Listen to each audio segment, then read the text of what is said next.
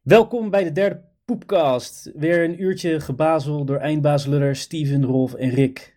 Vandaag gaan we het hebben over instant noodles, big tech, antisemitisme en natuurlijk poep.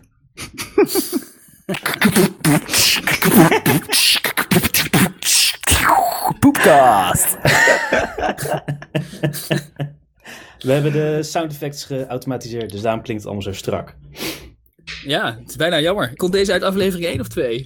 Eh, dit, is, dit is de original, de, uit één. De pilot. Oh, uit 1.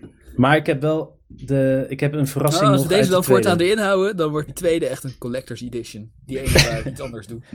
Ik heb je tweede intro gebruikt voor, de, voor een ander effectje, maar die, eh, Ja, die komt nou, nog. Ik, ik word een hele soundbank. Die wordt, heb zo'n een Worms eh geluid Oh, dus, eh, van mijn Ja, Inderdaad. heb je nog de, maar poepcast tussen dingetjes.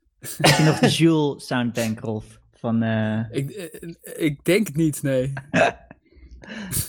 voor, voor, mij is hij verloren gegaan in the mists of time. Eh, zullen we beginnen met eh poep van de week? Ja, dat is wel het eh, Onze- schema, geloof ik. Ja. Onze nieuwe vaste rubriek eh, met eh, allemaal leuke poepfeitjes. Dus ik, eh, ik, heb er eentje, ik heb er eentje.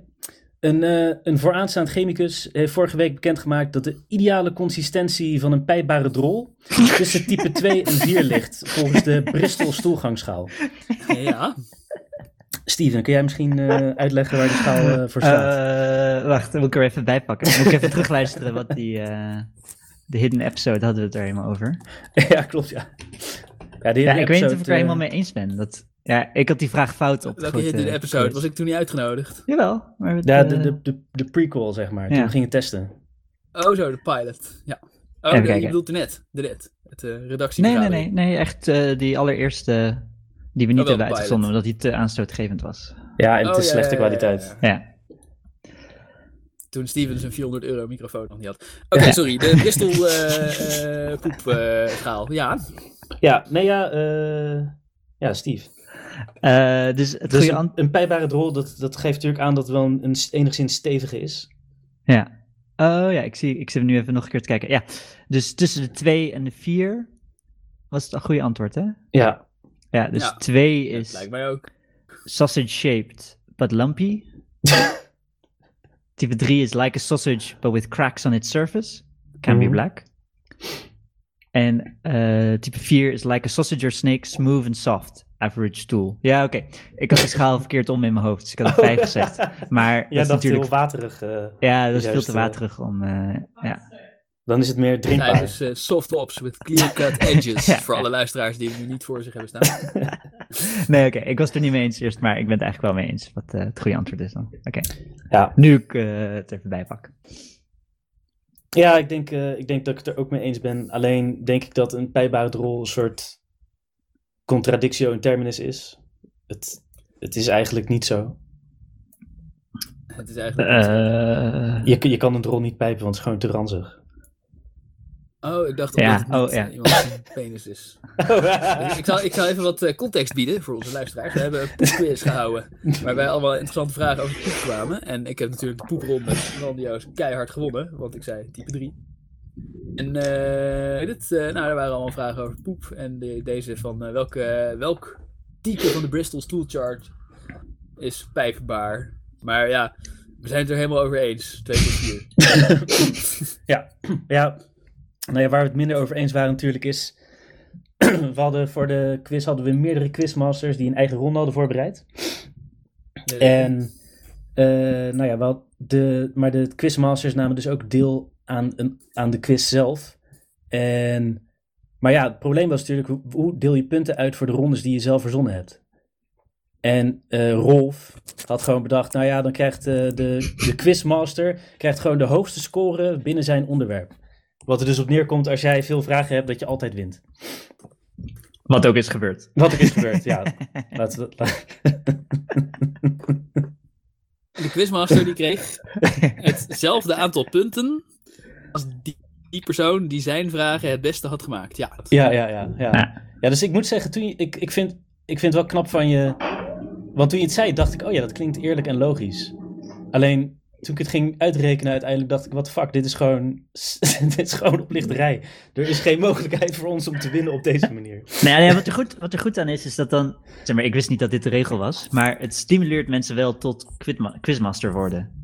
Dus je krijgt Precies. wel... eh, ja, dat is, gestraft worden omdat je vragen hebt geschreven. Ja, nee, precies. Nee, nee. Nee, nee, nee. Maar- ja, ik zeg ook niet dat je gestraft moet worden. Maar ik vind wel dat er een eerlijk systeem zou moeten zijn voor punten verdelen. Want nu, oké, nu is het zo dat je en mag quizmasteren en dan ook nog eens altijd wint. Ja, nou. Lekker toch? Ja, waarom heb je dan niet meer vragen gemaakt? Nee, precies. Nee, ja. Dus als, als dit de regel blijft, dan ga ik volgende keer ook wel acht rondes eh, introduceren. Ja, dat was makkelijke nou echt- ja-nee vragen en dan gewoon 30 of zo. Eh, ja, dit kan je doen. Maar ja, dan gaat iedereen Ja, kijken moet- dat je ronde stom is. Je moet elke, elke vraag moet je dan zo maken dat, dat je zeker weet dat maar één persoon het eh, goed heeft. ja, precies. En dat is elke keer Ja, een dat andere gaat bij persoon is. ja-nee vragen niet lukken. Ja, nee. Alleen maar hele moeilijke geneeskundige vragen stellen, zodat alleen Steven ze weet. nee, nee, dus je doet één chemische vraag die alleen Christian weet. En dan één natuurkundige vraag die alleen Jules weet. En dan één biologische vraag die alleen Rick, eh, Rolf weet. Of Rick, sorry. En, eh, Maar dan, dan heeft iedereen evenveel punten. Dus nee, nee, behalve de quizmaster. Want die krijgt dan elke keer de Nee, max aantal Nee, punten. Want als Nee, iedereen ja. maar één punt heeft, dan krijgt de quizmaster er ook maar één. Nee, nee, want heeft één persoon heeft dan negen punten en de rest heeft allemaal één punt. Oh, op die manier. Eh, ja, dat is wat je wil, ja. Ja, dus je maakt 10 tien vragen die over iets gaan waar één iemand verstand van heeft. Oh, zo, ja, ja, ja. Zodat hij, die door eh, één ja. iemand verpletterend wordt gewonnen. Ja, maar dat die alle andere Zo- rondes... eh, Zoals de kunstronde die door Lea werd gewonnen. Ja, nou, hey, maar Hey, en- eh, Team Zuidenhout close second. Ja, dat wel, ja. het is echt eh, het is dat Joyce erbij was, want die wist er echt- nog veel. Ja. Ik Maar ik wist er geloof geen één dat we naam. dus eigenlijk allemaal een heel goed systeem vinden. Nee, nee, ik vind het een waardeloos systeem. Ja, ik vind het ook waardeloos. ik, zou zeggen, er moet, er moet systemen hebben iets van... ehm, een, een- het liefst met een heel ingewikkeld, onnodig ingewikkeld algoritme. Ja, Dat de quizmaster altijd het aantal punten krijgt wat het gemiddelde is van degene die de ronde het beste heeft gemaakt en het gemiddelde van iedereen. En daar dan, eh, eh, zeg maar, eh, Ja, zoiets van het Nee, dat- gemiddelde van het goede aantal vragen. En daar dan een soort correctiefactor op van hoeveel vragen je gemiddeld goed had over de hele quiz. Ja nou, of alle deelnemers mogen een weighting, eh, gezamenlijk een weighting bepalen van hoeveel punten, hoe zwaar die weegt. Van met welk percentage dan de quizmaster krijgt. Ik snapte niet wat je zei, dus ik denk dat dat een goede regel is. Ja. Dus, dus dat je op een apart, ja, dat was ook jouw Briefje? suggestie. op een apart briefje Ja, moet je bijhouden eh, wat de weighting wordt. En daar ga je ook over stemmen, voor elke vraag. Maar wie Dus- doet daar de administratie van? Eh, nou ja, dus je moet De ook een, eh, een notulist aanstellen. en een voorzitter. Ja, ik had ook een, ik had een jury aangesteld, maar eh, ze lieten het een beetje afweten. Dus dat, eh, dat was ook jammer. Dat is ook een evaluatiepuntje voor de volgende keer. Dus, Ja, Ze waren ze verzinnen waardoor de jury langer blijft dan de helft van de eerste ronde. Waar gingen ze heen? Naar de kroeg. Eh, nee, ze gaven het gewoon op. Ze vonden de vragen te moeilijk om na te kijken. Oké. Hm. Hoezo? Ja, het, het begon met die wetenschapsronde. Oh ja. Dus dat Maar- was eh, hoeveel seconden sinds eh, het begin van het heelal. En dan, eh, Een nakijken is toch niet zo moeilijk als je gewoon Oh, je een had- lijst van de antwoorden hebt? Je had niet een lijst met antwoorden gegeven. Je had Jawel, gewoon jawel. gezegd, oké. Nou, ja, nee, grotendeels wel. Maar het aantal seconden was, eh, weet ik veel, eh, 65 miljard of zo. En dan eh, moet je dan, zeg maar, eh, kijken eh, hoeveel eh, procent je ernaast zit. Of hoeveel, welke factor, of hoeveel absolute getallen. Begrijp je wat ik bedoel? Ja, Ja. ja. Ik snap wat je bedoelt. Ik, Dus, vind wel, eh, ik vind wel bij deze, als de jury luistert, ik, ik vind het een zwakte bot. Ja, ze waren, ze, ze waren niet echt... eh, Nou, die ja, informatie moet gewoon in de antwoordsleutel staan? Ik toch? met Die moet gewoon in de antwoordsleutel van als Ja, iemand ik er... geef toe dat de antwoordsleutel ook niet zo super duidelijk was. Ja. Maar eh, ja, whatever. Eh, Nou ja, Oké, maar eh, ik ben nog niet helemaal overtuigd van het nieuwe, nieuwe systeem. Ik denk gewoon eh, eh, eh, eh, alle quizmasters eh, disqualificeren. ja, dat vind ik, Die dat, doen niet meer mee. dat is op zich Gewoon een uitslag per systeem. ronde. Gewoon Ja. iedere ronde heeft zijn eigen winnaar en er is geen overal winnaar. En je, zeg maar, het is zo'n Ja. eer om quizmaster te zijn. Dat is al, dat is al voldoende... Ja, dat vind ik eh, prima. Ja, Of gewoon, heb ik eh, ook. ja. Geen, geen alle punten. rondes gewonnen waaraan ik meedeed. Dus dan beschouw ik mezelf gewoon als de overal winnaar.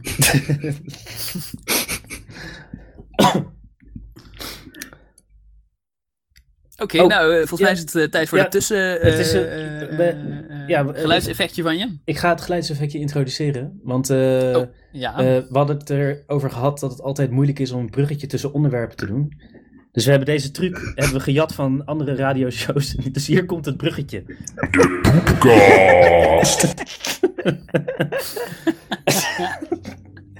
ik wou dat ik de hele dag zo klonk als ik lesgeef op school. Je, je, hebt wel, ja, je klinkt wel eh, lekker, lekker deep, full voice. Ja, inderdaad.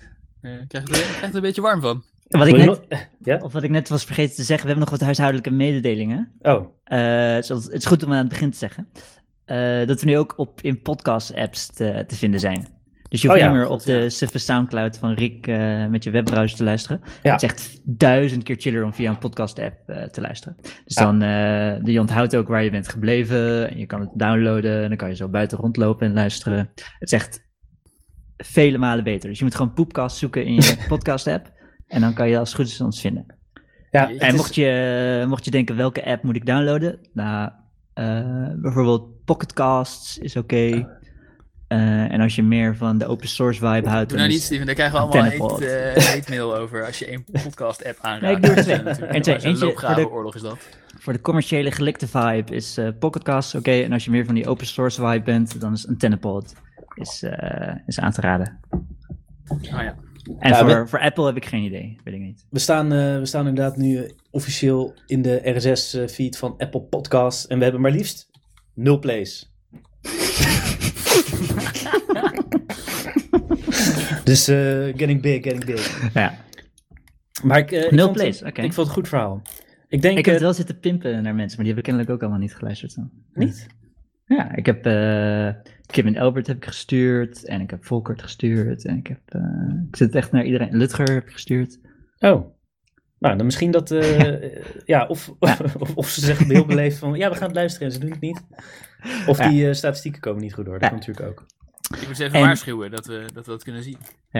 En tweede huishoudelijke mededeling is dat we nu ook een e-mailadres hebben. Dus mocht je willen reageren, dan kan je poepcast.gmail.com. Dan kan je bericht sturen, reviews achterlaten, haatmail sturen of, eh, of suggesties. Je Haatmail- kan ook ik gewoon eh, eh, naar Stevens huis gaan en eh, Ja. dingen in zijn brievenbus stoppen. Dus, eh, Laan van Nieuw-Oost, eh dat weet het ook weer. eh, Ja, ik ga niet het hele adres zeggen. Nee, ja, dat is... Dat kunnen we eruit bliepen. Dat, ja, Het is precies. ergens in een of andere laan. een laan. Een laan in Nederland. Boven de zorg voor party. Ja, nu heeft het zelf verklapt. Dan kun je nog wat lachgas halen. Zijn, zijn die nog open? Want er zijn niet zag- zoveel parties meer. Ja, ja, die zijn open. Ik zag gisteren, ook- was echt super amusing, een dude met zijn... eh, zijn- hoe heet zijn, open, zijn auto die open is, met een open dak? Cabrio. Cabrio. Ja, cabrio. En kwam, ja, ze kopen daar echt een fucking dure ballonnen. En hij had zo'n eh, Sweet 21 eh, ballon met ballonnen erin. Met nog meer ballonnen eromheen. En die, die propt hij zo in zijn cabrio. En toen ging die kapot. en wij stonden, dat, is, dat is gewoon amusing, ja. Eh, kopje koffie drinken en kijken naar. eh. Dus ja. Maar als je eh, een, een Sweet 21 feest is aan het organiseren. Als ik de, de politie was, zou ik hem gewoon even eh, Ja. eh, de zorg voor party gaan zitten schaduwen. Dan kan ik hem is eigenlijk wel- uitdelen. wat, wat was trouwens de relevantie van, de, van het feit dat hij een cabriolet reed? Maar Ja, het is heel moeilijk om daar ballonnen in te proppen, omdat het ja, ook is. ja. Juist heel makkelijk, gewoon bovenlangs. Ja, nee, maar je moet hem wel goed bevestigen dan. Want anders vliegt hij zo eruit. Dus hij, Oh, ik zag ook niet, ik zag ook niks scherps of zo. Hij duwde hem gewoon tussen de banken. Dus ik weet ook niet precies hoe jij dacht dat die ballon daar zou blijven. ja precies. Hij had, de- hij had zo, zijn hele achterbank was vol met... eh,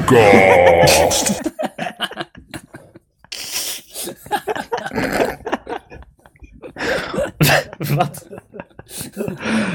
dus Wie zit- Zit jij ook in die potrolf nu? Ik weet, nee. Oké, maar dus de hele achterbank was vol met, eh, eh, met statiegeldflessen. Het is gewoon zijn hele achterbank, meerdere tassen met statiegeldflessen. En daar langs was hij zo'n ballon aan het proppen. Hij had al een feest gegeven en hij ging nog een feest Hij ging nog een feest Nou, geven, ja. Ja, Staat hier van die Ah. petflessen? ja, en, eh, ja van die... eh, Heeft misschien een scherp plastic randje aangezeten ja, of zo. ja. Oké, next onderwerp. Oh, ja, eh... Poepka, de poepkast. ja, het gaat echt super smooth als we allebei de puntjes gaan inzetten. Oké, ik zal er weer afblijven. Ja, Rolf, jij wil het heel graag over eh, Big Tech hebben. Oh ja, ja, ja, dat vind ik interessant. Want ehm, je hebt wat die grote bedrijven, je kent het wel met eh, de Google en Apple en Facebook en zo. En eh, heel veel mensen die ik ken in mijn elitaire eh, anarchistische eh, filterbubbeltje, die zijn daar dan kritisch op. Dat ze, dat ze zoveel superveel data lopen te verzamelen en verkopen en zo. Maar eh, ze zitten ondertussen, zit, zit iedereen schaamteloos zijn data aan ze over te Gewoon weg te geven. weg te geven. Ja. En ook, ook die mensen die daar kritisch op zijn, over het algemeen zijn ze dat via WhatsApp of via hun Gmail of whatever. ja. Dat, eh, dat vind ik interessant. Dat zelfs de redactievergaderingen van de Poepcast in een eh, WhatsApp-groep plaatsvinden. ja. nou ja, eh, het is denk ik ook best wel lastig om jezelf helemaal los te snijden van die big tech. Ik denk zelfs dat het misschien onmogelijk is. Bijvoorbeeld, Hmm. als je iets wil zoeken op internet, ja, dan kun je alternatieve zoekmachines gebruiken, maar die zijn Ja, meestal ja, er wat zijn minder. producten die ze maken die, zeg maar, eh, ik, eh, ik gebruik ook eh, Google inderdaad om te googlen. En Google Maps of zo, weet je wel, al die, al die andere maps dingen, die zijn gewoon kut. Sorry, als iemand een betere suggestie heeft van onze luisteraars, horen we het graag via podcast.gmail.com. maar, maar Gmail, Gmail bijvoorbeeld, dat, ja, dat slaat eigenlijk nergens op. Er zijn ook heel veel andere e-mail dingen die precies even goed zijn. En eh, dat, dat hoef je helemaal niet te gebruiken. Maar toch Ja. is het ook Ja. een soort van verslavend of zo. Nou ja, ik denk van mijn e-mail kom ik niet meer af. Want die heb ik nu sinds 2003 of zo. Ja. Dat is gewoon, ik ben helemaal locked in. Ik heb wel een ander e-mailadres nu, maar ik forward die, die Gmail forward ik gewoon daarheen. Dus het komt wel langs de Google server. Ja, het komt langs de Google server, maar ze... Ja, ik, heb ze- ook, ja. ja, ik heb ook wel jarenlang een Google-adres gehad. En dat bestaat dus nog steeds. En ik eh, krijg nog eh, e-mails op en zo. Maar ik heb gewoon eh, alles wat ik nieuw doe en dingen die ik veel gebruik en zo. Bijvoorbeeld wat Google dus heel interessant vindt om te verzamelen... is data over alles wat je koopt. Bij, Hm. bij eh, bol.com en eh, nog een ander bedrijf noemen... zodat het geen reclame is. Weet ik veel, bij... dragondildo's.com. Die, ja, je kan dat gewoon veranderen natuurlijk. En dan komt het op een ander e-mailadres binnen en dan hebben ze die data niet meer. Ja. Ik weet ook niet zo goed wat ik daarmee wil bereiken hoor, maar het bevredigt me wel heel erg. niet de drakendildo's, maar de, het veranderen van het e-mailadres. Ja, Dus ik heb wel dat veranderd. En ik gebruik ook in plaats van eh, WhatsApp, behalve met jullie, omdat jullie van die ouderwetse jongens zijn, eh, gebruik ik, eh hoe heet dat ook weer? Signal. Dat is precies even goed. eh, ja. dan en dan echt dat het wel encrypted. privé is. Ja. Mhm. Dat je data niet wordt gefarmd. En zo. Ja, ik, maar ik denk dat het eh, dat hiervoor geldt wat eigenlijk voor. Want bijvoorbeeld een bank weet ook alles. Die weet bijna alles van jou op basis van je betalingen. Zeker nu alles bijna via de pin gaat. Die, die informatie hebben ze gewoon. Ze weten, ze weten waar je bent, wat je doet, wat je koopt. Als je vreemd gaat, kunnen ze dat waarschijnlijk uit je gegevens halen. Dus het is vooral belangrijk dat er goede wetgeving is om te voorkomen dat die data gebruikt wordt. Ja, dat is belangrijk. Maar die wetgeving is er niet. Dus. Wie is er trouwens zo fanatiek aan het muizen?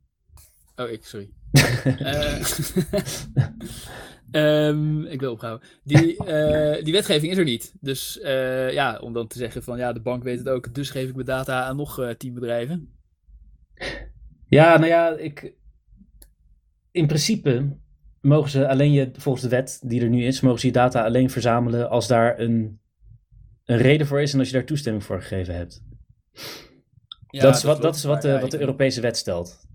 Ja, maar je kan die producten niet gebruiken zonder die toestemming. En zij vinden dat ze echt een supergoeie reden hebben. Namelijk dat ze die data willen doorverkopen aan andere bedrijven. ja, ja, nou ja, dat. Ja. Nou, ik, ik, ik zou het liefst ook wel wat anoniemer zijn. Aan de andere kant ben ik, vind ik het ook gewoon chill om Gmail te hebben en Google te gebruiken. Maar bijvoorbeeld, ik ben er wel bewust ook dingen aan het spreiden qua informatie nu. Over Ja. verschillende verzamelaars, zeg maar. Ja, nou ja, dat is ook beter. Dat, dat het monopolie gebroken wordt, als het ware. Dus eh, ja, het lukt mij ook niet om helemaal niets meer van Google te gebruiken. Ik bedoel, ik heb ook gewoon een, eh, zo'n ding, een Android-telefoon. Maar eh, alles waar een alternatief voor is, dan gebruik ik liever dat. Ja, Maar, maar niet, niet veel mensen. Dus dat verbaast me altijd. Ja, ik denk dat mensen zich niet, of dat veel mensen ook niet bewust zijn van wat ze allemaal van jou aan het verzamelen zijn. Wat ze, hoeveel Nee. ze eigenlijk wel niet van je weten. Nee, je had, je had een tijdje terug dat artikel in New York Times van eh, hadden wat journalisten hadden handen gekregen op zo'n eh, locatiedatabase van die wordt gefarmd door allemaal apps. En dat wordt allemaal verzameld. Dus je hebt bijvoorbeeld een weer, weer app, die eh, moet je Oh, ja, locatie ja, ja. weten en die verkoopt het dan door. En dat gaat allemaal naar gigantische databases en het is, het is allemaal officieel anoniem. Alleen Ja, je ziet dan dan gewoon de terug poppetjes. eh, traceren. Ja, je, je Ja. ziet gewoon de poppetjes zie je zo gewoon bewegen over, eh, over de kaart. En dan kan je één poppetje volgen. En die gaat dan naar een bepaald adres elke dag. Als het ware. Ja. Dus dan weet je precies wie dat is. En dan gaat hij naar zijn werk. En dan gaat hij weer terug naar dat adres. Dus dat is helemaal niet anoniem. En dan Nee. kon ze ook. eh, maar dat is iets anders dan per se Google. Volgens mij Google zelf doet dat niet. Zou het wel graag willen, denk ik. Maar, maar dit is gewoon eh, third-party apps. En er is altijd wel één appje wat dan ineens gekke, gekke dingen doorverkoopt. Nou, je had, eh dat is heel grappig. Je- Strava is een, een app waarmee je je sportactiviteiten kan bijhouden. Dus als je een rondje fietst of een rondje hardloopt, dan houdt hij je route bij. En ehm, die data wordt ook geanonimiseerd als het ware. En, eh, maar toen kwamen ze erachter dat er, in een, dat er ook gewoon eh, militairen die aan het hardlopen waren op een eh, Oh ja. geheime militaire basis in Irak. die Ja. hadden gewoon even de locatie van die basis bekendgemaakt door een hardlooprondje op Strava te gooien. Ja, en die lopen dan langs het hek van de Asus en dan kan je precies zien waar dat is. Ja. ja, ja. Dus het is, ja, data lekker zo, ge- zo gebeurd. Ja. Het is ook op, op ik werk natuurlijk, eh, of, nou ja, eh, ik ben, ehm, hoe zou je het noemen? Developer. En, eh, dus ik, en ik beheer een grote database met heel veel klantgegevens. En nou ja, dat is op zich allemaal veilig opgezet. Daar kan je niet zomaar bij, kun je niet zomaar data uithalen. Maar dan kreeg ik, op, kreeg ik laatst opeens een verzoek van... ja, kun je misschien de, de, alle klantgegevens eruit halen en opsturen? Want ik, ja, ik kon- kan er zelf even niet bij. En, en toen zei ik ook, ja, nee, wat je, realiseer je wel wat je vraagt. Dit is zeg maar hoe je op het nieuws komt van... eh, oh, USB-stick met alle klantgegevens van eh, dit en dit bedrijf eh, is gevonden. Dat gaat gewoon mis. En wat zei hij toen? Zeur niet zo? Nee, nee, hij was, hij was het helemaal mee eens. Hij zei, oh ja, oh, Oh, ja, dat is eigenlijk wel... je hebt eigenlijk wel gelijk. Ja, nee, nee, er gaat heel veel medische shit gaat ook via ja, Gmail gewoon. Dus eh dat weet ik nog toen ik op de neurologie werkte, dat, eh, dat was een bepaalde neurochirurgische groep, die hadden dan als eis dat je naar hun Gmail de patiëntgegevens stuurde en dan gingen ze daaruit verwerken. Nee. Ja, En dat deed... Woorden? Hè? Sorry, ga verder. dus toen moest je zo moest je het verhaal van de patiënt met eh naam en geboortedatum eh, naar hun Gmail sturen, anders gingen ze niet verwerken. En het was er ook een incident dat, dat ik iemand naar ze wilde verwijzen en, eh, en, dan, en dan deden ze niks en dan eh, belde ik ze op en zei ze, ja, we hebben niks ontvangen. En dan stuurde ik iets en dan eh belde ze, ja, we hebben niks ontvangen. Maar dat ging dus allemaal naar hun spambox. eh. Oei, oei, oei. Dus, Oké. Ja, ik hoorde ook eh, dat eh, wij op school geven nu via internet les en hadden we enquête aan de leerlingen gestuurd eh, hoe hoe het beviel. En een van de klachten was dus dat er ook mensen waren die zeiden, ja nee, eh, eh, jullie moeten je huiswerk niet naar mijn schoolmail sturen, want dan raakt mijn hele inbox vol gespamd en dan eh, zie ik de mailtjes van mijn collega's niet meer, dus eh, stuur het naar dit Gmail-adres. Vond ik ook wel mooi, eh, mooi verzonnen van hem. En leerlingen die dachten, ja dag, fleur op, ik stuur het gewoon naar jou. Ja. Maar, wat, maar wat stel jij voor, Rolf? Voor, eh, want ik Nou, bedoel, dat we hebben nu weer een onderwerp die, dat eh, we... Zijn het allemaal met elkaar eens. Nee, dat, eh, jullie niet. Want mensen die hier wel bewust van zijn en wel over mopperen, die eh, moeten dus eh, op andere diensten overstappen. Dat stel ik voor. Ja, oké. dus volgende redactievergadering op Signal.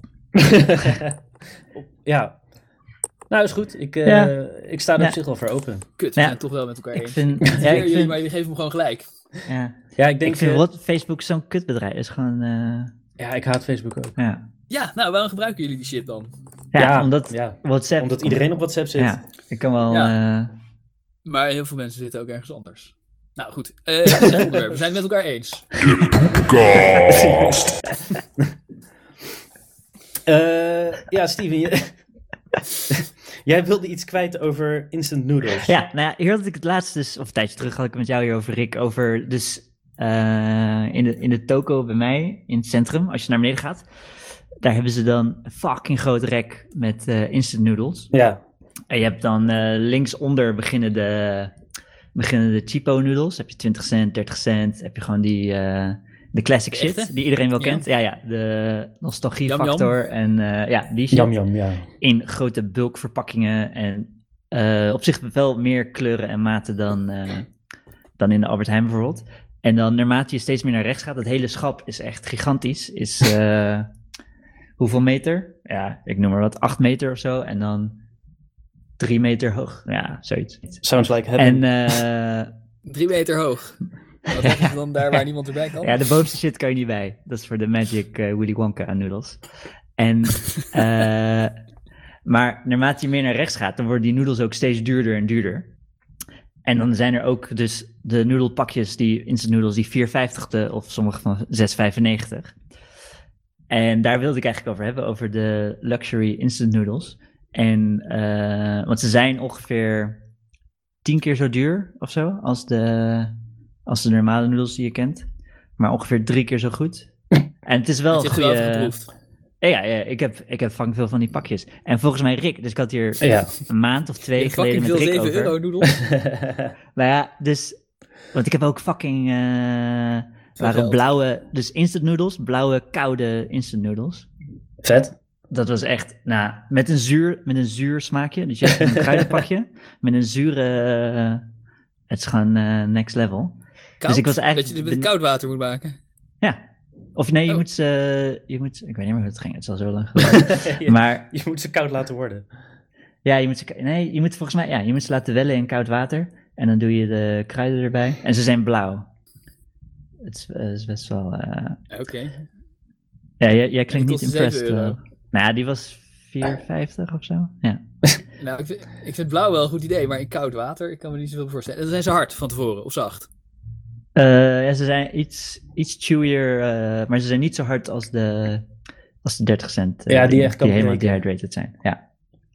Ik zie, allemaal, ik zie vaak op internet filmpjes van mensen die een gat in de wasbak repareren met instant noodles of zo. Wat? Ja, Wat? ik moet daar opeens aan denken. Die, eh, ja, ik snap het ook niet echt, maar dit, dan, dan pakt hij instant noodles. Dat, dat eh, laat hij dan eh, zacht worden eh, met, met heet water. En dan brengt hij het aan en dan gaat hij het, laat hij het drogen. En dan gaat hij het helemaal vijs, eh, ja, afschuren, weet je wel. Zodat het precies de vorm heeft van de wasbak. Zet. Oké. Alleen, De wasbak. Ja. Je bedoelt waar je je handen wast. ja, dat bedoel ik, in de badkamer. Maar dan komt er toch weer nieuw water overheen. Ja, het leek, ik snap ook, ik, snap, ik kan het niet uitleggen. Ik- Als je nou iets repareert wat droog moet zijn, dan denk ik al van, nou, dat is een beetje vaag, een beetje vergezond. Maar je kan toch niet iets repareren wat, wat ervoor dient om nat te worden? ja, dat Met noedels. Maar ik kan, nee, maar als het, ik kan me een soort van voorstellen dat het een soort van lijm wordt of zo. Een soort van, eh, Nou ja, het wordt weer net zo hard als, als in eerste instantie. Tot het weer Ja. nat wordt. Maar ja, ja, dus nee, het lijkt, ik snapte het ook niet, want ik dacht precies hetzelfde als jij, Rolf. Van, oké, hoe gaat dit, hoe gaat dit werken dan? En waarschijnlijk ook allemaal Wouwse Koreanen die er een boot van maken en daarmee de oceaan oversteken. Ik denk het. In de noedel, eh De de SS-noedel. SS-noedel. Over de SS gaan we het zo hebben. Oh ja, oh ja, ja die, die glipt er altijd tussendoor. Maar had jij nou... Nee, Rolf, we hebben het nog niet gehad over waar Steven het over wil hebben. Nee, nee, nee, ik wil niet per se door, maar eh, gewoon omdat eh, een keer als, we even, als we even naar naties heen en weer gaan, dan eh, ja. Oké, ja. Nee, ik, ben ook- ik heb ook nog iets te zeggen over die eh noodles eh, business. Ah, gelukkig. Want Rick, had jij nou een heel pretpakket besteld? Oh ja, ja, nee, ik was, ik was van plan om... Ik had een webshop gevonden die echt bizar, bizarre collectie aan noedels hadden. Dus ik had eh, inderdaad, ik had een bestelling samengesteld. En alleen toen was de helft uitverkocht en toen heb ik het niet gedaan. Hm. Dus, maar ik eet wel bijna dagelijks instant noodles in quarantaine. Ja, Ja, ik, ah, ik vroeger toen ik student was, maar ik ben eigenlijk een beetje mee opgehouden. Maar niet dat ik nu de hele dag eh, quinoa met eh eh, Quinoa. raapstelen maar eh, ook gewoon Ben Jerry's en zo. quinoa. Ja, Rolf, quinoa. Is de noodles, het is zo zout. Ik was een beetje zat na een tijdje. Oké. Maar die- eh, kennelijk niet al die eh fancy Ja. smaken. Ik ken alleen Yam Yam. Ik haal, ik haal ze bij de Albert Heijn, heel keer. Het voelt, ja, ik, daar had ik zo ook. Maar het voelt wel inderdaad een beetje, als je het eet, alsof je echt iets hyper ongezonds aan het doen bent. Ja. Omdat het zo zout is. Er zit volgens mij 3 gram zout in zo'n pakje of zo. Ja, dat zou goed kunnen. Ja. Je zou eigenlijk zo'n fotoreeksje in elkaar moeten plakken van dat je die eh, McDonald's hamburger eh, vier jaar bewaart en dat die op zich wel een beetje kreukelt en eh, eh, uitdroogt en, en een beetje raar wordt, maar niet eh, verrot. En dat je gewoon telkens dezelfde foto van een eh, open pakje noedels ernaast plakt. ik, ja, die noedels die vergaan nooit, denk ik. Nee, ik denk dat ook niet. Dan gaan archeologen gaan denken, oh, en dat wordt heel exclusief, zoals van die Egyptische rum of zo, dat Wat? ze opgraven. Honing. Ze, ze, ze vinden toch eh, nog eetbare honing in die tombes vaak. Ah, nice. Honing, honing vergaat nooit. Ja, en van die gezonken schepen met eh, whisky en zo. Maar dat Oh ja. van Egyptenaren. En wijn. Romeinse wijn. Heel exclusief. Maar ik denk dat het eh noedelschap van eh 3 bij 8 meter met de Willy Wonka noedels en eh, rechts steeds duurder, dat het een soort eh, metafoor is voor de hele samen, het hele, het hele aardse Mhm, bestaan mhm. misschien wel. eh. Ja. Maar ik weet nog niet precies eh, waar dat hem dan in zit. Dat daar rechts hele dure rotzooi eh, wordt eh, gemaakt of zo. Ik, ik weet niet zo goed. Maar ik, denk dat, ik denk dat er een diepere boodschap in zit. Dat de ontwerper van de toko daar echt iets mee bedoelt. Ah, ik denk dat je wilt toch altijd het je hebt altijd mensen die het allerbeste willen. En dan, ja, die gaan dan niet de jam jam van 30 cent, die willen dan de, De allerbeste instant noodles. de allerbeste instituut. Nee, maar dus, wat- dus die instant, ja, die instant noodles, het is ook een soort avontuurtje hoor. Als je Allerbeste echt, bier. Nee, maar het gaat ook om de, de voorpret. En de, want je betaalt dan 4,50. Ook als de placebo. Dan, weet je, de dure placebo's die werken beter dan Ja, de goedkope placebo's. Het is een heel avontuurtje. Je doet Ja, je, zeker. In je boodschappentas. En dan heb je een soort van, nou, dit was zo fucking duur. Dit moet wel echt heel bijzonder zijn. En dan krijg je de instructies erbij. En dan zo, wow, what the fuck. Dit moet koud. What the Ja. fuck. En dit zijn zure noedels. What the fuck. Dus, eh, en, Dus eh, hebben jullie ook dat als je instant noodles maakt, dat je dan eerst, terwijl het pakje nog dicht zit, dat je dat blok van die noedelslierten eh kapot knijpt? ja, ja, ja, ja, ja. en een beetje van Oh, dat snoept. dat Een beetje snoept van droge noedel, een soort chips. Ja, één je zo'n hem hapje droog van die eet. droge. Ja, Wat zei Steven? knijpen, want eh, Dat het, als je de droge noedels snoept, de forbidden fruit, voordat je, voordat je het water eroverheen doet. Dus soort zijn er- chips. Je bedoelt chips. Eh, crisps. Ik bedoel crisps. Chips. Crisps. Chips. Chips. Rolf, is Ja. het chips of chips? Het is crisps. Eh, chips, eh, als je, zeg maar, eh, dat zijn eh, die, die plakjes eh, aardappel die je kan eten. En chips, dat is wat in de computer zit. Ja, Nee, ja, chips, chips is wat in zo'n... In zo'n ik, zeg maar, ik heb deze discussie heel vaak gevoerd. En het beste argument wat ik heb bedacht zelf is... Je, hebt, je, je bent bekend met de smaak kaas-ui, toch? Die Ja. zit in een zak chips. En zeg je dan ook cheese onion? Met cheese onion smaak. Nee, ik zeg altijd paprika, alsof het vier letters heeft. ja, die fancy cheese onion, dat is van die eh Cheese buitenlandse shit, die moet niet. ik, je hebt gewoon uh, naturel. Naturel en eh bolognese. Gadverdam. Bologne- Bolognese, bestaat dat nog? Dat zie ik Van die chips met ribbels, die zijn oké. Ja, die Ja, zijn chill. Van die dikke... Maar die instant noodles dus nog even. Want Ja. moet Ja, Ja, ja, avontuur. Nee, maar het is ook een soort van eh, eh, momentje voor jezelf. Weet je, net als die fancy zeepjes die je kan kopen bij de Lush of zo. Dan kan je ook... eh, kan je ook fancy instant noodles kopen. En dan heb je een soort van...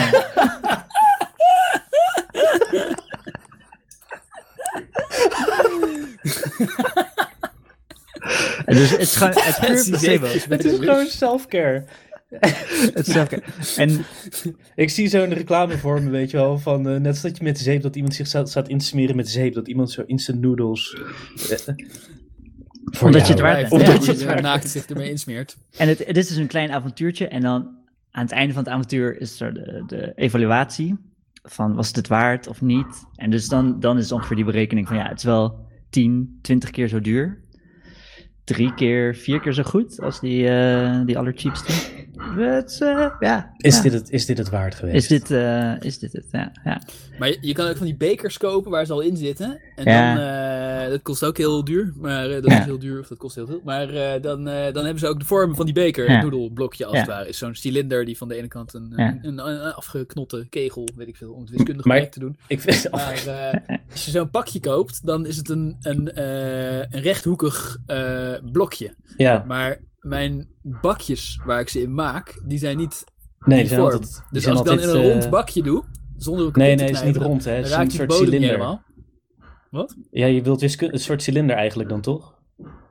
Wat Taps is- uitlopende... Ja, je bakje is geen rondje. Misschien Nee, een halve bol. Een bakje... Hé, wat?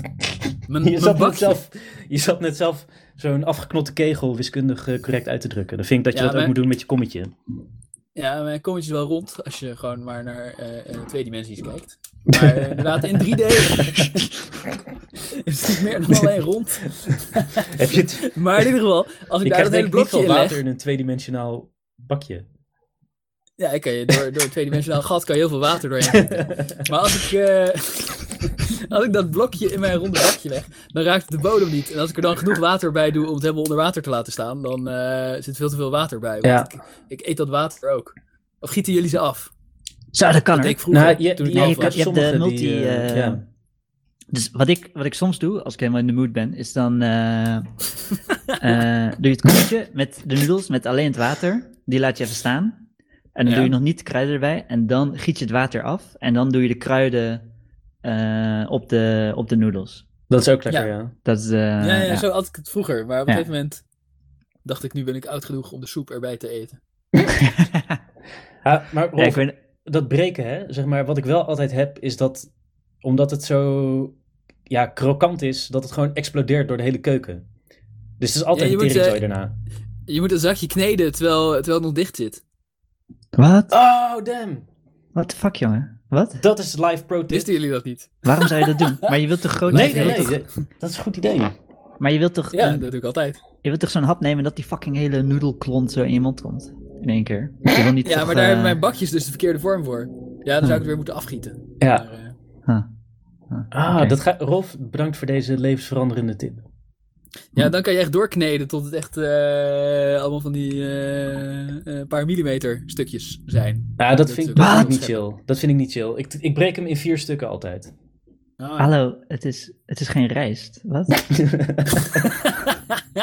nee, het is een, het is Nee, een momentje ik voor kneed jezelf. hem ook niet helemaal door. Nee, dat is overdreven.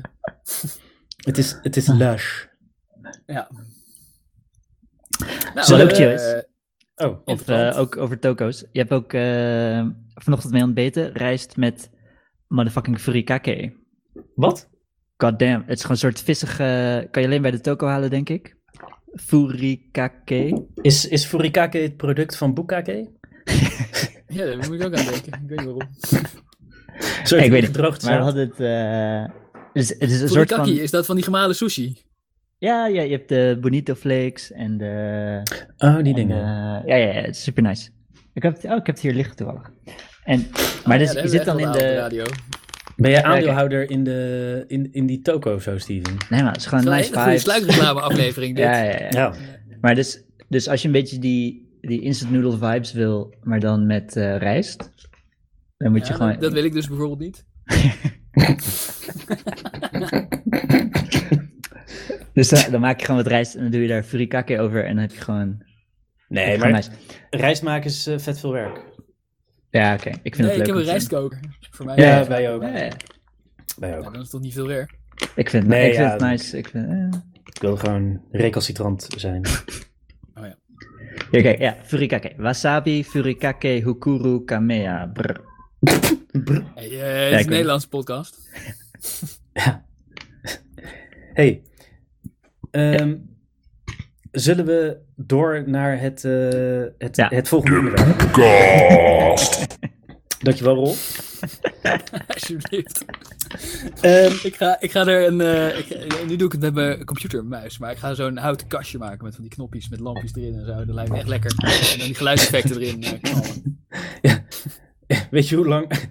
Ja, altijd als ik iets maak, dan wil jij het niet gebruiken, Rolf. Weet je hoe lang ik bezig ben geweest om die robot werkend te krijgen? Welke? Deze? Nee, maar Deze, ja. Rolf wil dus je een robot maken om jouw robot te bedienen.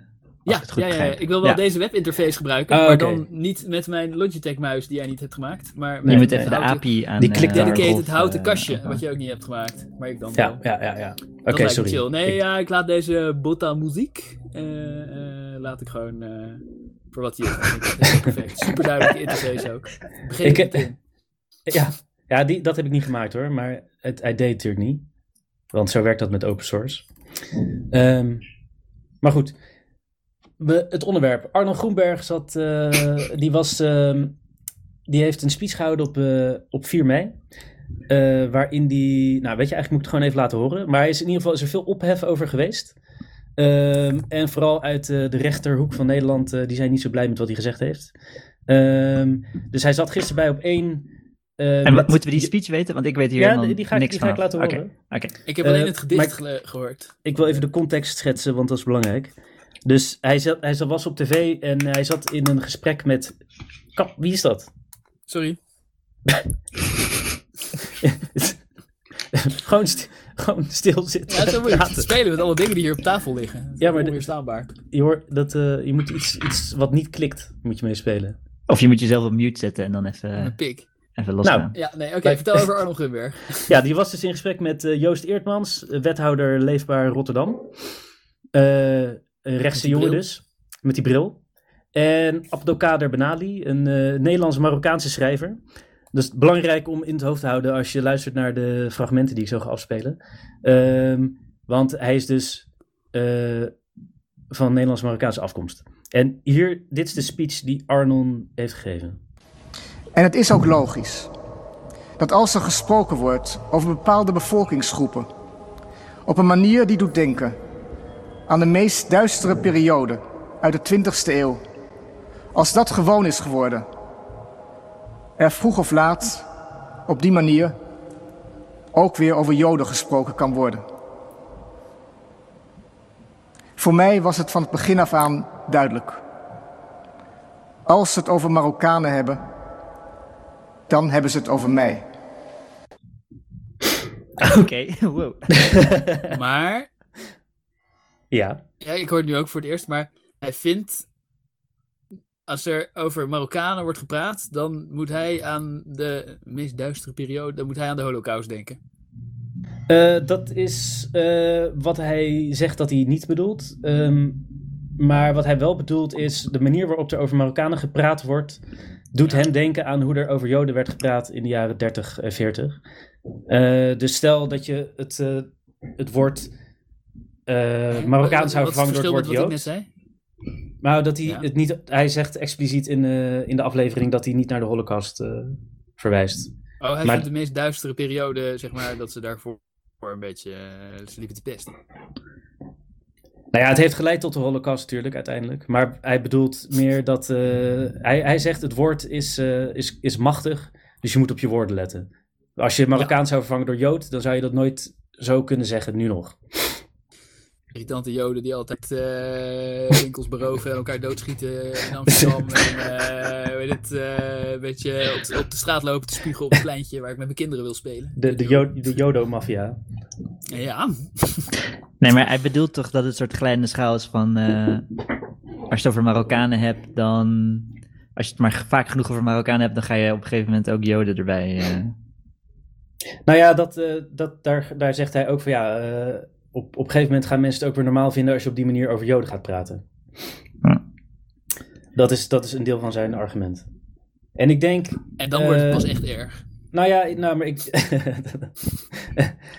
ik, ik denk wel dat hij, ik ben het wel met hem eens, eh, zeg maar, als je het hebt over het Marokkanenprobleem, stel dat je zegt je hebt het over het Jodenprobleem, dat zou, weet je dan, dan- dat zou nooit kunnen.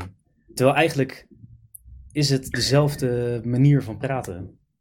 Ja, hij bedoelt dat je niet. eh, dat als je als een groep mensen de hele tijd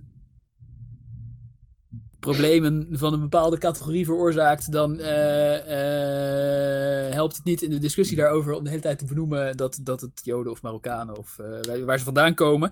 Omdat je dan ook mensen die ook Joods of Marokkaans zijn en daar ook vandaan komen, maar niks met het probleem waar je het over probeert te hebben te maken hebben. Ja, precies, want je Dat je maakt die dus dan, de groep verantwoordelijk voor het probleem van een individu.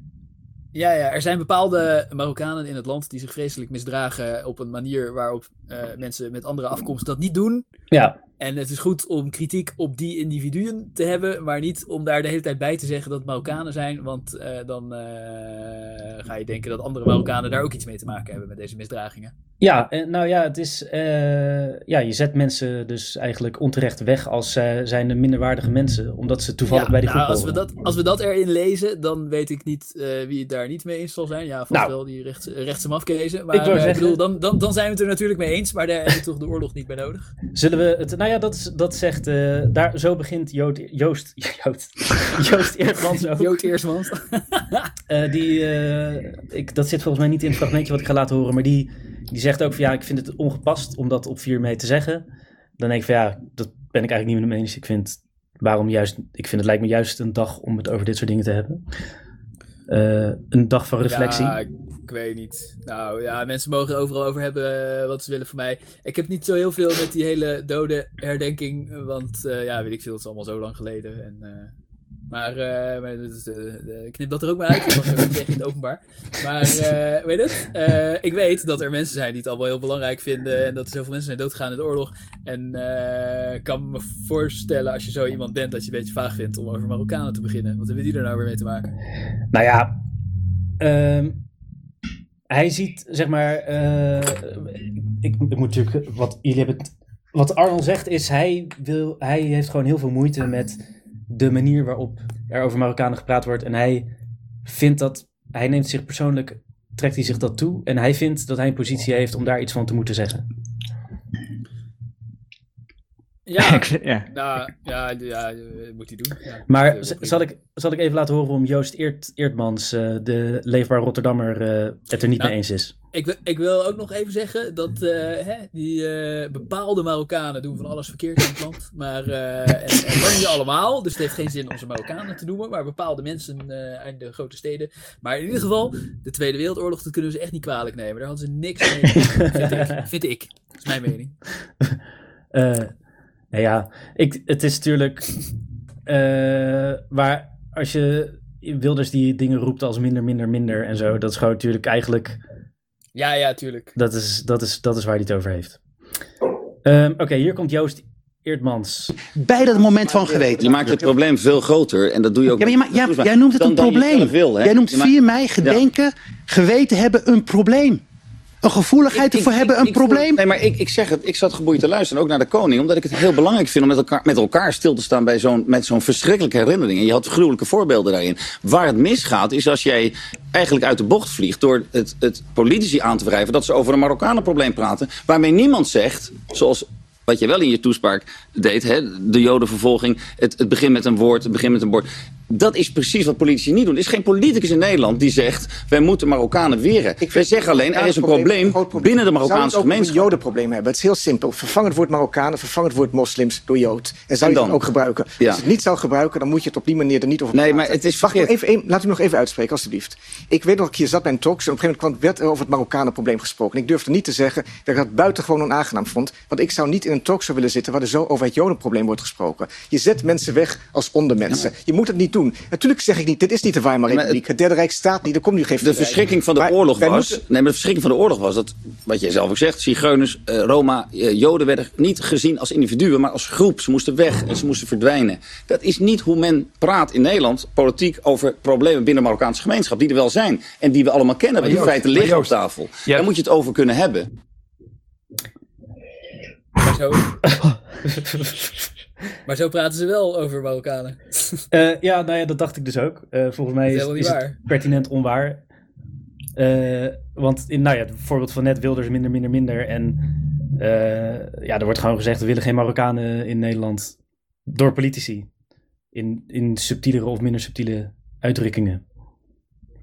De vergelijking gaat een beetje scheef, omdat. ehm, eh, dus ik, het is inderdaad. Het, het, het, is, het helpt niet om eh, te signaleren dat Marokkanen of Joden bepaalde problemen veroorzaken, om dat dan een Marokkanenprobleem te noemen. Dat, dat draagt niet bij aan een oplossing. Maar verder eh, gaat de vergelijking nogal scheef. Want het Jodenprobleem is eh witte boordencriminaliteit. En het Marokkaanse-probleem is straatcriminaliteit. Heel anders. Sorry, wat? Je, ga, je nu, ga je nou even George Soros... eh, nee, nee, zoals heb ik niks tegen. Die- voor, voor de minder ingewijde eh, rechts, rechts-Amerika gelooft dat er eh, invloedrijke Joden aan de touwtjes trekken bij van alles en nog wat. Onder leiding van George Soros. Ehm, maar goed, even terug, terug naar, eh, naar Grunberg. Zeg maar, de reden dat ik het graag over dit onderwerp wilde hebben, is omdat zeg maar, die, die Eerdmans die speelt een beetje schone schijn. En eh, nou ja, hij, zit gewoon te- hij lult uit zijn nek. En, maar eh, uiteindelijk eh, wordt hij ook gewoon expliciet racistisch naar Abdelkader toe. Ehm, die je aan het begin van het fragment heel eventjes hoorde. Ehm, want, nou ja, hij zegt dus van het is niet waar, bla bla. En die discussie die gaat, die wordt best wel heftig tussen, tussen de mensen. En eh, op een gegeven moment eh, zegt Arnon eh, dit. En, want ik laat het even horen omdat ik het gewoon mooi gezegd vond. eh, beledigd, dan word ik geïntimideerd. En daar hebben heel veel mensen last van in Rotterdam. Ja, maar ook- Ik neem dat nou ook eens uit die met- bubbel ik ga mee, met u- ik ga dat met- dat ook gebeurt. Oké, dan gaan we samen binnenkort door Rotterdam lopen met een keppeltje op. Nou, ik, ik, gaan we ik naar nodig Karmel. graag uit op een vrijdagavond Prima. of een zaterdagavond. Maar dan nog, en ik wil, dat vind ik ook belangrijk te zeggen, ik erken, natuurlijk is het antisemitisme. Ook onder eh, de Marokkaanse bevolking. Dat ontken ik helemaal niet. Maar ik wil niet als Jood gebruikt worden als stok om die mensen te slaan. Dat vind ik namelijk ook een vorm van antisemitisme. En daartoe laat ik me niet lenen. Maar ik wil graag met u, met een keppeltje op. Desnoods zelfs als vermomd als Hasidische Jood door Rotterdam lopen. En dan kijken wat er gebeurt. Ja, Arno Grunberg is wel vet. Hij, is wel, hij zit altijd... eh, Maar wat is het punt nou? Ik snap het niet. Nou ja, dat. eh, de- zeg maar, oh ja, dat. Eh Eerdmans die haalt aan dat je als Jood niet veilig over straat kan in Rotterdam. Dat is, zijn, dat is het argument wat hij gebruikt om over, wel over het Marokkanenprobleem te, zouden, te kunnen praten of te mogen praten. Want het zijn Marokkanen die dan eh, Joden in elkaar slaan in Rotterdam, volgens hem. ja. Dus daar reageert eh, Arnon op van ja, ik, ik wil niet dat je het Joodse volk misbruikt als argument om racistisch te zijn over Marokkanen.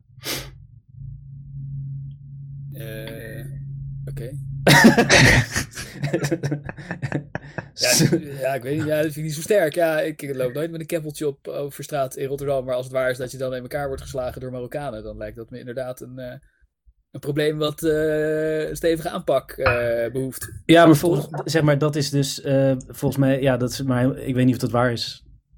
Ik woon in Nee, Rotterdam ik en ik, le- lees daar dus- nooit wat over, over dat soort dingen. Ik denk, ik denk dat het gewoon, het is een soort verzonnen Ik weet ook niet of het argumentatie. waar is, maar ik vind het een hele goede wetenschappelijke eh, aanpak van ze, dat ze het erover eens zijn dat ze het gaan proberen. Want dan weet je tenminste waar je het over hebt. ja, ja, Dat is nog eens, eh, dat is nog eens geen- niet lullen, maar poetsen, zeggen ze Rotterdam. ja, precies, ja. Niet lullen, maar Waar gaat het nou eigenlijk over? Word je nou wel of niet in elkaar geslagen? Ja, dus gingen hand in hand met een keppeltje op als Hasidische Jood door Rotterdam lopen. Homo's. plan. Ja, een keer in Jeruzalem proberen. Alsof je dan zo gezellig wordt bejegend. maar eh, nee, het is vreselijk dat mensen, eh, weet het, eh, ja, ze moeten in iedere debiele outfit die ze willen over straat kunnen lopen zonder lastiggevallen te worden. En ja, iemand die op straat mensen gaat lastigvallen omdat ze de verkeerde homo of jood of whatever lijken te zijn, ja, die moeten ze keihard aanpakken. Nou ja, dat, dat vind ik natuurlijk ook. Alleen, ehm, Ik, ik ben wel met Arno eens, dat is wederom geen argument om op een bepaalde manier over een bevolkingsgroep te praten. Nee, en eh, eh, hè, er zijn, weet- ja, als er, weet ik veel, iedere maand of zo een homo in elkaar wordt geslagen, dan denk je van, oh, nou, echt vreselijk. Maar de, st- de Nederlandse steden zijn best groot. Er lopen dus erg veel homo's langs Marokkanen die denken, ja, oké, whatever. Ja, Dus het is een beetje stom om dan te zeggen, oh ja, Marokkanen slaan de hele tijd homo's in elkaar. Ja precies. Dus, als, Ja. als je een Marokkaan bent die dat niet doet, is dat heel vervelend om te horen. Ja, nou, en dat is dus, eh, dan kom ik de- de- daarbij het laatste fragmentje, dat Joost Eertmans gewoon vol onracistisch wordt, vond ik.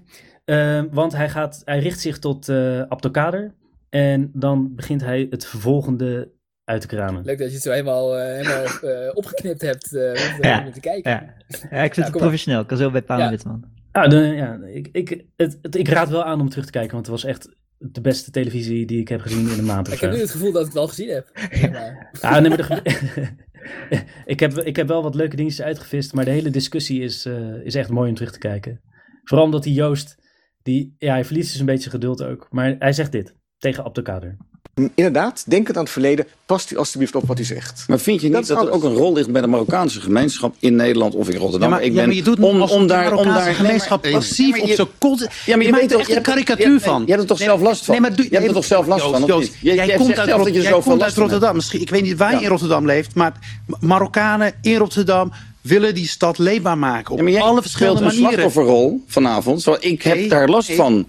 Maar dan zeg ik, dan moet Ja, dat... Dan, ja, natuurlijk heb ik er last van. Maar, Ja, is, dat- ben ik dan, nee, maar dat, dat- Nee, maar moet ik, dus jij vindt dat ik, daar, dat, dat, ik, dat ik dat gewoon moet accepteren? Nee, ik vind dat dat het je daar eigenlijk tegen- Dat ik moet- beledigingen moet accepteren.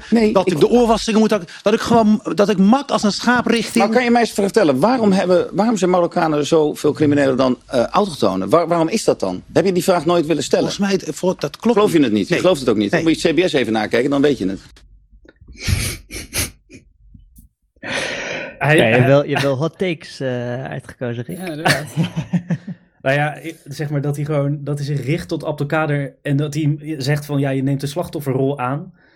En dat hij vervolgens ook nog gaat zeggen, ja, eh, waarom zijn jullie allemaal zo crimineel dan? Jezus, het is echt... Maar, weet het? Hij zegt, hij verwijt dat hij een slachtofferrol aanneemt, Ja, omdat hij kennelijk heeft gezegd dat hij er last van heeft dat mensen zo zitten te zeuren, zoals Joost Eertmans. Zeg maar, hij is, hij is slachtoffer van het gejank van Joost Eertmans. Eh, nee, ja, hij, eh? Joost zegt, jij, Joost zegt jij bent Joost. slachtoffer van het slechte gedrag van andere Marokkanen. En de slachtofferrol gaat erover inderdaad dat hij eh, het vervelend vindt wat Joost allemaal uitkramt. Ja, Ja, dat Dus slachtofferrol is altijd een beetje dooddoener van... eh, Nou ja, sowieso, als je het, Ja. als je het hele, hij, hij, heeft helemaal, hij neemt helemaal geen slachtofferrol aan. ja. Dat, dat wordt, dus ik dat, zit jou af te zeiken en als je dan zegt van, hey, man, zei ik niet zo, dat is helemaal Ja. niet waar, wat, wat je nu zegt, dan zeg je, ja, je neemt een slachtofferrol aan ook nog. Ja, ja. Ja, ik vind dat classic, classic rechts of extreem of, of alt-right, weet je wel. Ja, als, Ja, ja. als het je niet bevalt, dan stel je aan. Ja, nou, Ik vind het wel nice dat, zeggen. eh, Maar, maar, maar mag je je wel of niet op televisie afvragen? eh, eh, Want het is op zich toch wel waar dat eh, gemiddeld genomen eh, eh, de, de criminaliteitspercentages onder Nederlanders met Noord-West-Afrikaanse migratieachtergrond hoger zijn dan onder andere Nederlanders. Nou ja, oh, dat, maar dat is op zich Het is, wel beetje, waar. het is een beetje vaag om dat er ineens bij te halen in een gesprek over iets anders met een Marokkaan. Dat, is, eh, dat, dat lijkt me niet vrij. Maar, Nee, eh, nee, maar het- of, weet of je- mag je het je helemaal niet afvragen? Nee, tu- ik- tuurlijk mag je dat je afvragen. Maar daar ging het, eh, daar, en het is ook waar, volgens mij. Maar daar ging het niet om. Het is meer dat hij, dat hij eerst zegt van waarom zijn jullie allemaal crimineel dan? En, en dat hij dan eh, zegt van ja, de statistieken bewijzen het. Daar, daar gaat het natuurlijk helemaal niet om. Nee. Het is de manier waarop, waarop je over dat onderwerp praat. Nou, ik heb dit niet eh, gezien dus, maar dat is wel iets wat je heel vaak in talkshows ziet, dat mensen die, zeg maar, eh, deze discussie al heel vaak hebben gevoerd, of in hun echokamer waar iedereen het met ze eens was, zoals Joost Eertmans, of, eh, zeg maar, met, tegen mensen die hele debiele dingen aan het roepen waren, en dat je met die ergernis daarover een gesprek aangaat met iemand die dat eigenlijk nog niet aan het doen is. En dan eh, eh, die, die boosheid uit, uit de rest van de verziekte discussie meeneemt naar een soort nieuw gesprek, als je begrijpt wat ik bedoel. Ja, ja, ik snap wat je bedoelt. Dat zie je de hele tijd op tv en ook in de Tweede Kamer en Ja. overal. Ja, De kroeg trouwens. nou ja, dat Dat, best wel eh, dit, dit soort vastzittende precies. iedereen, heeft hier, iedereen heeft wel eens met wijze over Marokkanen gediscussieerd. En dat je dacht, jezus, wat een Mongool.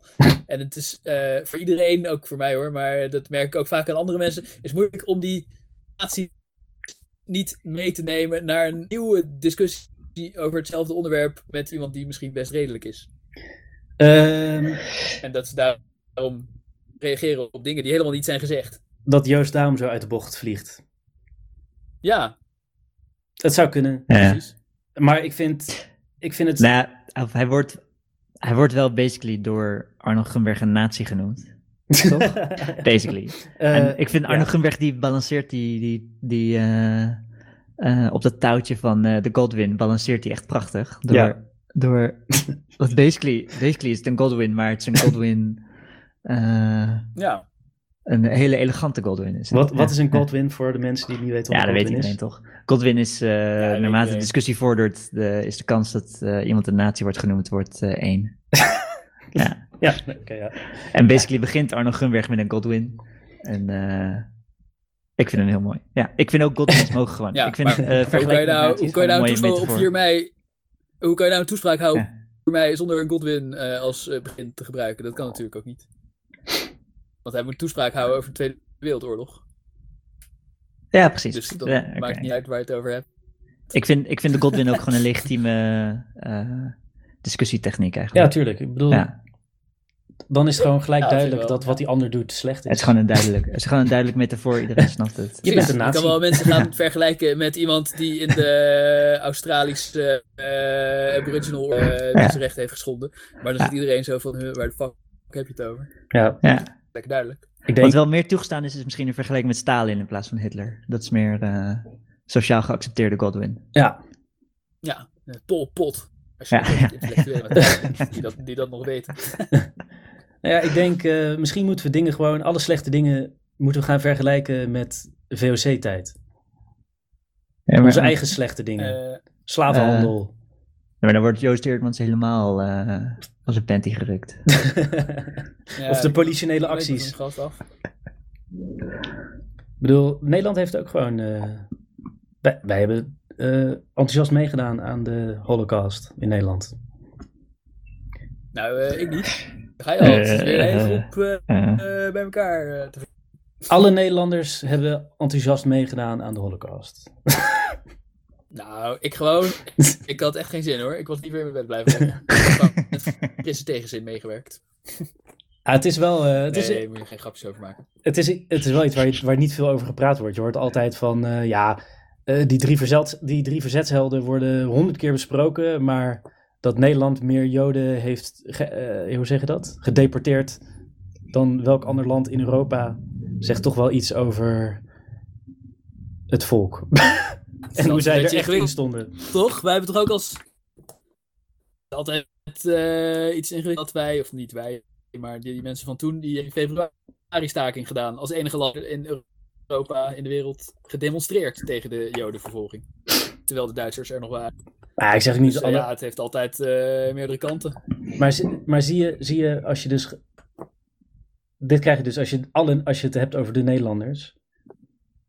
Precies. Dan gaat, dan gaat zo'n discussie al fout. En dat, dat is eigenlijk het Ja. punt. Want dan voel jij je aangesproken namens de, de goed, goed gedane Nederlanders. eh, omdat jij ook een Nederlander bent. En dat is voor, voor de Marokkanen denk ik nu ook zo in die discussie. Als jij, als jij Eh, die voelen zich ook ja. die worden ook. Ik zou me ook aangesproken voelen als ik eh, Marokkaans was. En ze hebben het over het Marokkanenprobleem. En dan denk ik, ja, maar ik heb toch gewoon een kantoorbaan. en, geen- eh, Nee, dat is geen constructieve manier om. eh, eh, om eh, er is een probleem met, met Joden in elkaar slaan, wel of niet. En ja, wie dat dan doet. Dat maakt niet uit. Ze moeten er gewoon mee ophouden. ja. Maar weet je wat ook altijd is met dit soort televisieprogramma's? Waardoor ik er ook eigenlijk nooit meer zin heb om er naar te kijken. Het is echt een trucje van de redactie. Want ze halen twee mensen uit hun echokamertje. Waar, een, eh, waar, waar ze altijd lekker zitten te praten met mensen die het met ze eens zijn. Waardoor ze langzaam steeds verder doorradicaliseren. Ze, ze komen allemaal uit een soort eh poepkast. Waar wij het allemaal lekker met elkaar eens zijn. En eh, elkaars mening tot grote hoogte opstuwen. En dan helemaal vers uit de echokamer worden ze tegenover elkaar gezet. En dan gaan ze een beetje dom zitten schreeuwen. En inhoudelijke discussie is nooit. Ik hou meer van als op televisie iemand met een mening wordt geïnterviewd door iemand die eh, een professionele interviewer is en er zelf een beetje neutraal in staat en een beetje eh, in zo'n interview het goede evenwicht zoekt tussen eh, advocaat van de duivel, een beetje tegenwerpingen en een beetje, een beetje subtiel en iemand niet helemaal over de rode maken, maar gewoon rustig uitzoeken wat hij nou eigenlijk echt vindt. Dat is veel beter. En die stomme discussies op tv, daar komt echt nooit iets uit. Nou ja, ik, ik snap wat je bedoelt. Ik, ik, ik, mi- ik mis sowieso wel echt goede interviewprogramma's op het moment. Moet je naar de radio luisteren. Het voegt ook niet zoveel toe om hoofden te zien. En op Radio 1 worden wel eh, mensen geïnterviewd. Oké. I shall do so. Nou, hebben we ook nog even reclame voor de publieke omroep. Hoppa. Bam. Ik moet Oh. even heel nodig pissen, jongens. Poepcast. Steven, je- het is de poepkast, niet de piskast. Eh, ik, ik mute Gaat u live in de uitzending hè? Ja, ik, oh, ik, ik mute hem even. ja, dank je. Nou, zijn we eindelijk even onder elkaar. Zullen we iets heel onaardigs zeggen over Steven? Een Ehm, soort. een soort wat Engelse. of mensen met hele witte huid. Halfbloedjes. Halfbloedjes, ja. Hij is gewoon, hij is ook gewoon een migrant. Hoe noem je dat? Allochtoon. ja, ze zitten niet eens meer in de EU. ja, precies, ja. mensen van hem. Een niet-westerse, of juist een extra westerse allochtoon. Allochtoon, niet uit EU-land. Ah, Steven heeft eh, vier paspoorten of zo. Eh, Die komt, die komt overal vandaan. Hij mag. En dat mag toch niet meer van eh, Wilders was er dat tegen dubbel paspoort. Eh, ja. Ze moeten ze gewoon eh, afpakken. En volgens mij, eh, hij, is toch een, heeft een Hongaarse vrouw of zo die, eh, die ook een dubbel paspoort heeft. ja, maar dat had ze al toen hij er nog niet tegen was. hij is trouwens, zeg maar, ik volg Wilders best wel, hoe zeg je dat, intensief, omdat ik het interessant vind wat hij uitkraamt. Niet omdat ik het ermee eens ben, maar hij is, hij is echt afgegleden. Zeg maar, waar hij ooit nog wel inhoudelijke argumentatie aandroeg, is het nu gewoon ongebreideld racisme op Twitter met eh, ja, minder, de- de- al- alle Marokkanen zijn kut, alle Mar- Marokkanen moeten weg. Eh, filmpjes van asielzoekers die over een hek klimmen en gadverdamme, wat is dit? Weet je wel, dat soort teksten erbij. Ja, het is een beetje vervelend Oké, voor al ben die eh, oppositiepartijen dat ze geen zendtijd meer hebben. Dat je alleen maar kabinet, kabinet, kabinet ziet. Ja, Dus dan moeten ze een beetje gekke dingen gaan roepen om toch nog de televisie te halen. Denk ik. Maar ik Eh, weet niet of dat... ja. Waar hebben jullie daar? Ik ben er weer. Ja, Eh, nee, eh, we, we hadden over gewoon poep. even een intermezzo poep. Zullen we, zullen we nog de review doen als afronding? Poepcast. Eh, de review. Ja, precies. Het is enkel fout. Eh, nou, kom op. Dus, eh Wie heeft hem tenminste, klaarstaan? ik denk dat. Ja, ik heb, hem- ik heb hem even gecopy-paste. Ik denk dat het eh, over ons gaat. Ik weet het niet helemaal zeker. weet het nooit bij Christian. Eh, de review van de week komt van Christian. En die zegt, eh, ik denk dat die zegt, olie bederft lol, het ultieme bedorven product. Combinatie van marxisme en onwetendheid is wel tranentrekkend. Ik denk dat hij het over ons heeft. Ja, ik denk ook, want we hadden toch vorige week over de vraag of aardolie, als je het eenmaal hebt opgepompt, wel of niet bederft. Ja, en het ligt aan, het ligt dat- aan je definitie van bederven natuurlijk. Eh, Denk ik. nou, laten we die discussie niet opnieuw doen. Maar eh, eh, zo te zien eh, is Christian de, van de partij dat, dat hij denkt dat aardolie niet bederft. Ja, ja, ja. we laten even in het midden of dat klopt of niet. Maar dan, wat en wat? Wat zeg je? Het is En, zelf- en daarna zegt hij nog... Christian is het dus eens met degene die Hij zei zegt- dat aardolie niet Ja. bederft. Hij zegt, Het ultieme bedorven En dan de product combinatie van marxisme. Isme en onwetendheid is wel tranentrekkend. Maar, Maar ik vind, gaat over eh, denkt hij dat Steven denkt, of Rick, of wie was het? Dat aardolie bederft omdat hij zo marxistisch is? eh, nou ja, nee, het, het, eh, volgens mij, het- ik- volgens mij verzochte zit er tijd tussen. Dus je ziet, ik had een linkse mening je ziet niet de timestamps. Volgens mij zit er, de time, eh, zeg maar, er zit een beetje tijd tussen deze drie eh opmerkingen. Het is niet in één keer gezegd. Ja, klopt. Volgens mij was Dus ik denk live dat hij gewoon aan het luisteren was aan en live. Ja. Oh zo, dat we na de aardolie nog iets eh, marxistisch zeiden. ja, Ja. Waar, waar die, En- waar en hij het ook al niet mee eens was. En iets doms. Ja, dat heb je vaak met marxistische dingen. nee, dat vind ik helemaal niet. Ik ben eigenlijk gewoon communistisch. Ik neem het terug. Het was een combinatie van iets marxistisch en iets doms. nou, Wat is dit voor geluid? En verder, verder weet ik niet of iemand... eh, heb ik geen feedback ja, we, we hebben niet zo heel veel luisteraars, dus je krijgt ook niet zoveel feedback. Ja. Ja, ik vond dit een misschien fascinerende, het nieuwe- een tranentrekkende combinatie van marxisme en onwetendheid. Ik, eh, laten, we, laten we van het duiden van deze comment een vaste rubriek maken. Dan ga ik weer een week over nadenken wat het betekende. Blijven we gewoon deze analyseren tot er weer een nieuwe recensie komt. Maar hij heeft bijvoorbeeld niet gereageerd op dat we over zijn opmerking hadden. En dat we daar heel trots op waren. Dat hij zei van eh, best goed voor jullie niveau. Daar heeft hij het niet over gehad. Misschien, Dus ik vraag me eh, af of hij wel helemaal tot het einde luistert of niet. Of dat het... eh, dat zou ook kunnen. Dat hij gewoon dacht, fuck deze shit. Ja, het wordt een beetje een En circle toen, jerk eh, als hij dan Ja. ons een compliment geeft en dat wij dan hem een compliment voor zijn goede compliment geven en dat hij dan ons weer een compliment voor het compliment voor het compliment. Eh, misschien dat hij geen zin had in deze reach around eh, circle jerk. kan ik me maar zo voorstellen. maar het mag wel hoor, Christian. Zullen we Christian gewoon een keer in de uitzending uitnodigen? Ja, ja, ja, dat En hadden dan- we- ja, ja, en hij moet meedoen. Hij moet meedoen. Gaan we hem in ieder geval vragen wat hij bedoelde met zijn, eh, met zijn andere eh, combinatie van marxisme en eh, ja, dat, dat. Ah, misschien kunnen we de volgende keer eh Christian laten inbellen.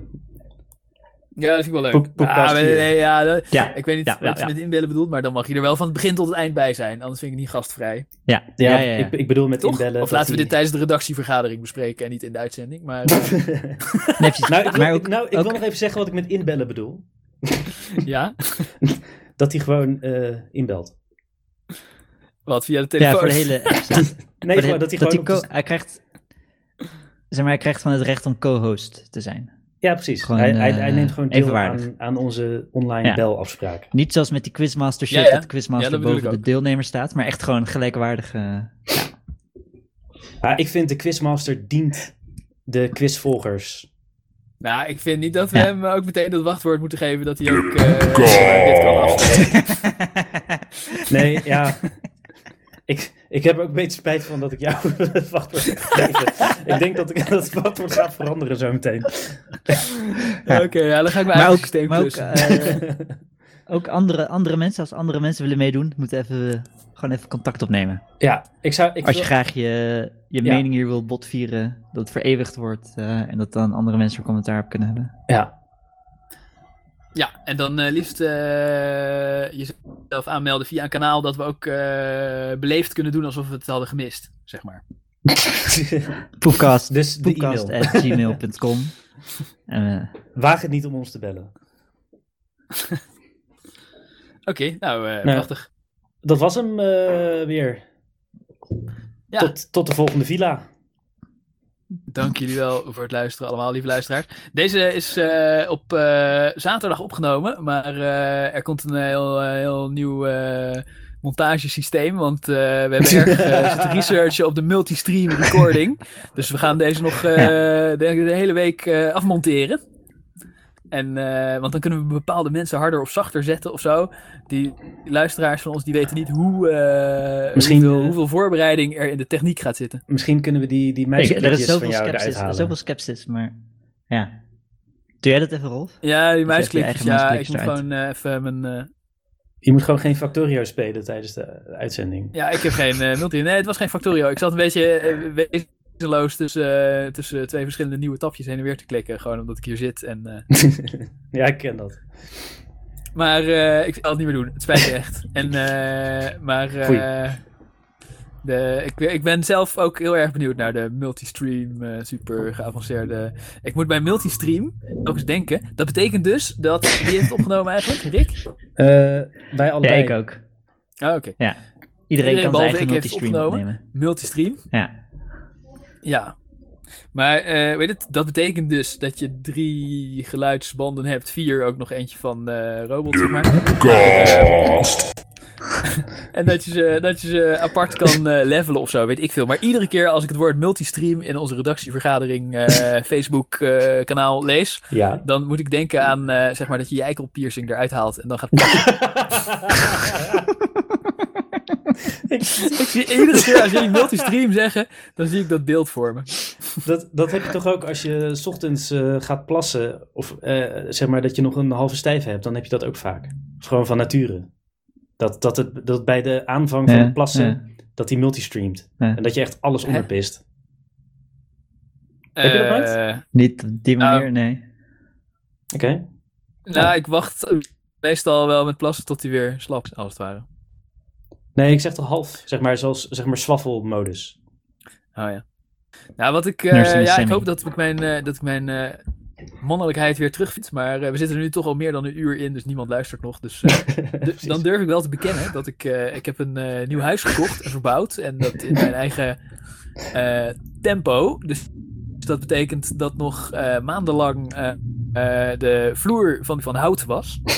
En, eh hoe heet het? Nu hoor ik weer echt een heel spannend geluid. Zwaar heb je gepist, Rolf? Eh, zit het? Oh. Waar gaat dit verhaal heen? En ik heb hem inmiddels, dus ik weet ook niet meer hoe multistream mijn swaffelstraal is. Maar eh, ik, heb, ik heb hem nu betegeld. Ik merk dat ik nog steeds gewoon zit. Maar eh, misschien dat ik ooit weer eh, mijn eh Ik ga ook vaak zitten. identiteit zal terugvinden. Ik, ik, heb daar niks, ik vind dat niks afdoen aan je mannelijkheid. Nee, zit is dope. Zit is gewoon... eh, Weet je, want je pist ook je eigen broek onder.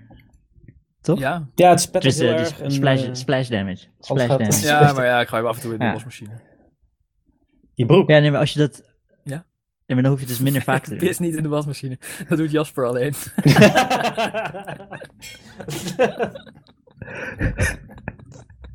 Heeft hij dat gedaan? Eh, ja, ik geloof dat het een vaatwasser was of zo. Maar eh, ja, Klopt. Heeft hij gedaan. Hij was, hij was een beetje bezopen en hij was al aan het slapen. En toen werd hij weer wakker van dat hij moest pissen. En toen had hij over, over zijn vaatwasser heen gepist. En de volgende dag dacht hij, wat ruikt die vaatwasser? gek? Heeft er een kat ingebroken. En toen zei ze, ja nee, wat de fuck man. Je hebt hem helemaal onder gepist. Oké, nou, met deze... Misschien moeten we zijn naam bliepen. Nee hoor, Jasper Brooshoofd. Maar ehm, met deze ijzersterke verhaal uit de oude doos sluiten we af. En eh, we horen jullie graag Tabé. binnenkort weer.